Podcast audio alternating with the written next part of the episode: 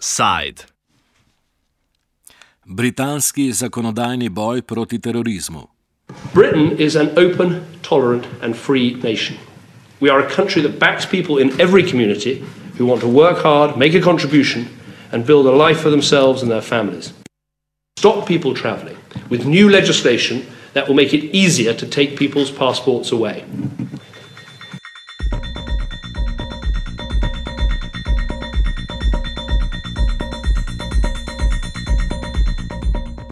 V Združenem kraljestvu protiteroristični zakoni kažejo svoje posledice. Danes zjutraj sta bila aretirana dva moška v Londonu in pet v Walesu. Utemeljitve se večinoma nanašajo na njihovo domnevno podporo terorističnim organizacijam ter upletenost v pripravo terorističnih akcij. To pa je samo eden izmed ukrepov oblasti Velike Britanije, saj so v minulih tednih potekale razprave o razširitvi antiterorističnih zakonov. Med drugim se pogosto omenja povečan nadzor nad prebivalstvom, predvsem v šolah in tudi zamrznitev potnih listov ljudem, ki so odšli v Sirijo. Zato, da bi bil oduzem potnih listov na meji omogočen, se je britanski premijer David Cameron odločil povečati pristojnosti mejne policije in med drugim tudi povečal proračun antiteroristične dejavnosti za 130 milijonov funtov. Celotna razprava in zakonodaja o boju proti terorizmu pa se zdi sporna muslimanski skupnosti v Združenem kraljestvu. Svoje stališče o teh zakonih nam pove predstavnik nevladne organizacije Muslimanski svet Walesa Salim Kidavaj. Few laws have been suggested by the government, the Prime Minister, and the Home Secretary. Uh, we are concerned about those laws as a Muslim community because we feel that they are directly attributable to the Muslim community particularly uh, the law which they wish to bring, where they will confiscate the passports of the people while going out of the country or after they have come into the country. Uh, this we feel without uh, proper uh, jurisdiction, it, it might be misused by the individuals who are at the airport and create problems for the Muslim community according to the Lord Carlyle, who has been the head of the inquiry on the terrorism, he has said, said uh, and I quote, that we have got very robust anti terrorism law if we use them uh, properly and do that. So, after having all the laws which we need to have it, uh, we feel, the Muslim community feel, there is no need to have any more laws uh, to curb extremism. The laws which we have got is more than enough and sufficient to deal with it, and it is being dealt with unfortunately, the extremism, either in the Muslim community or outside the Muslim community, is such that uh, you can't have 100% foolproof. There will be few exceptions to the rule. So we feel uh, that those laws which are being brought uh, may not be as conducive as the existing laws which are already here.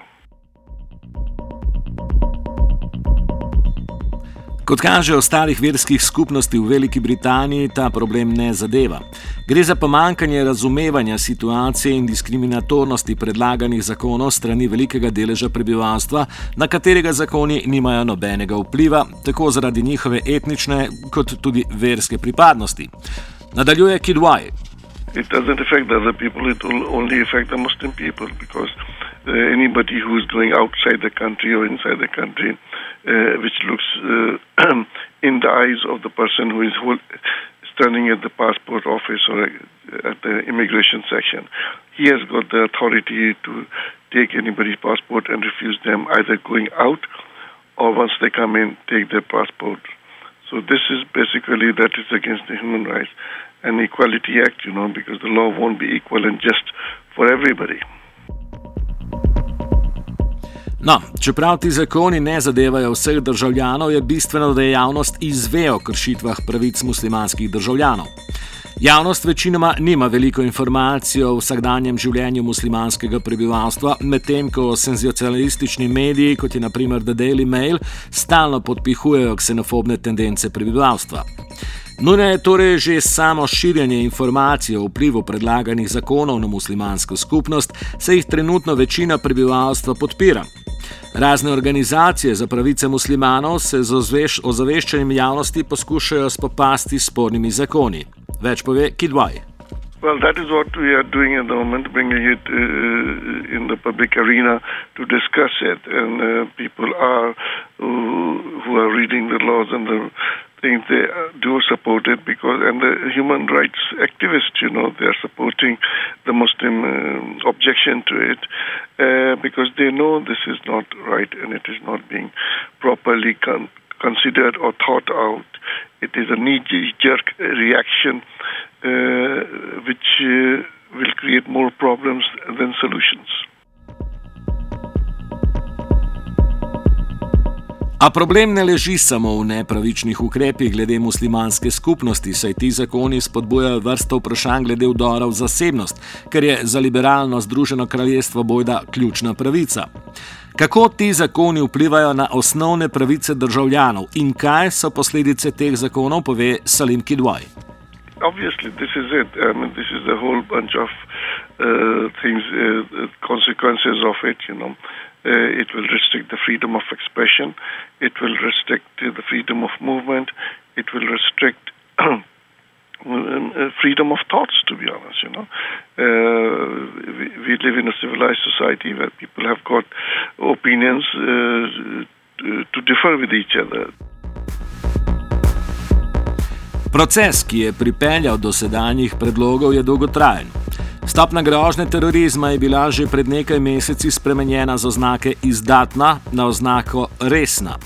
Utemeljitev za to se nanaša na vedno večje skrbi, ki naj bi Britaniji povzročali britanski džihadisti, ki so se v Iraku in Siriji pridružili skupinami, ki so izvajale teroristična dejanja.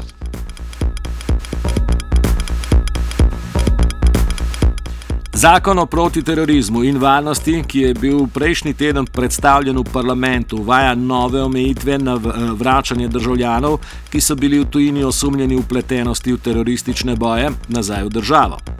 Strah pred domnevno vedno večjo ogroženostjo Britancev širi tudi britanska ministrica za notranje zadeve Theresa May.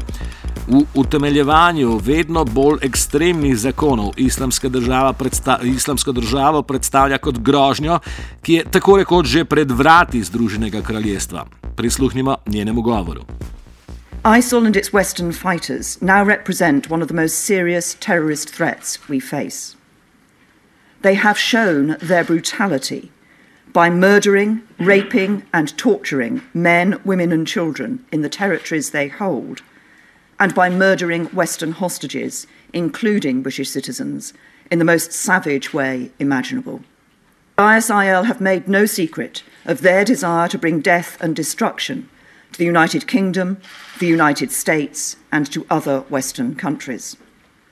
They occupy around a third of the combined territories of Syria and Iraq, a landmass almost the same size as Great Britain. And their geographical location means that they are just a few hours flying time away from our country. So the threat ISIL presents to us is clear and it is serious. The threat is diverse, and partly because of events on the ground across the Middle East, it is changing rapidly. Tudi pogledi na razloge, zakaj se Britanci in drugi evropski državljani odločajo za pridružitev, se močno razlikujejo. Dejstvo namreč ostaja, da je bilo Združeno kraljestvo močno upleteno v konflikte in vojaške intervencije, naprimer v Iraku in Afganistanu. Vsi ti dogodki so bili medijsko dobro pokriti in tako je več kot jasno, da so britanski vojaki bili med tistimi odgovornimi za smrt velikega števila civilistov v omenjenih državah. Poleg tega v Siriji še vedno traja neverjetno trpljenje prebivalstva, v katerega pa se Zahod ni odločil intervenirati. Kidwaj komentira fenomen pridruževanja islamski državi. Yeah, it's not only in UK. People are enlisting in France, in Switzerland, in Denmark, and other parts of Europe. You know, uh, because and people are not doing it because they, because they feel that the uh, unjust uh, uh or uh, the way the Syrian people are being treated and nobody is helping them. Uh, the West didn't do anything while they were being butchered by Assad regime, and that is why people got uh, sentimental or emotional about it and have gone to him.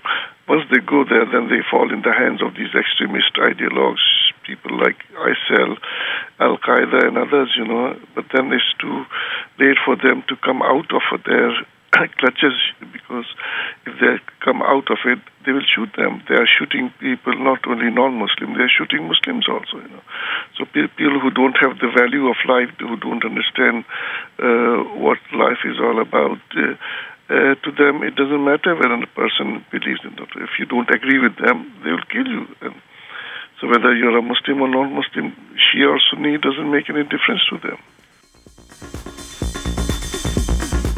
Omenjeni zakoni so očitno sporni na mnogih področjih osnovnih človekovih pravic in je očitno, da ne bodo dovolj učinkovito sredstvo za boj proti terorizmu. S tem, kakšne učinke imajo zakoni, ki dodatno omejujejo specifično družbeno skupino in v čem sam vidi rešitev, zaključi Kidwaj. By forcing these laws, you're not trying to change their mind. You have to change their mind and heart by talking to each other, by making them understand that what is right and what is wrong. By forcing people, they just go underground, and that creates more problems than any solutions.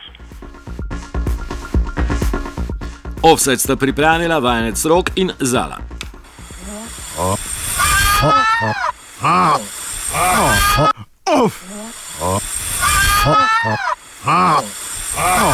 Offside.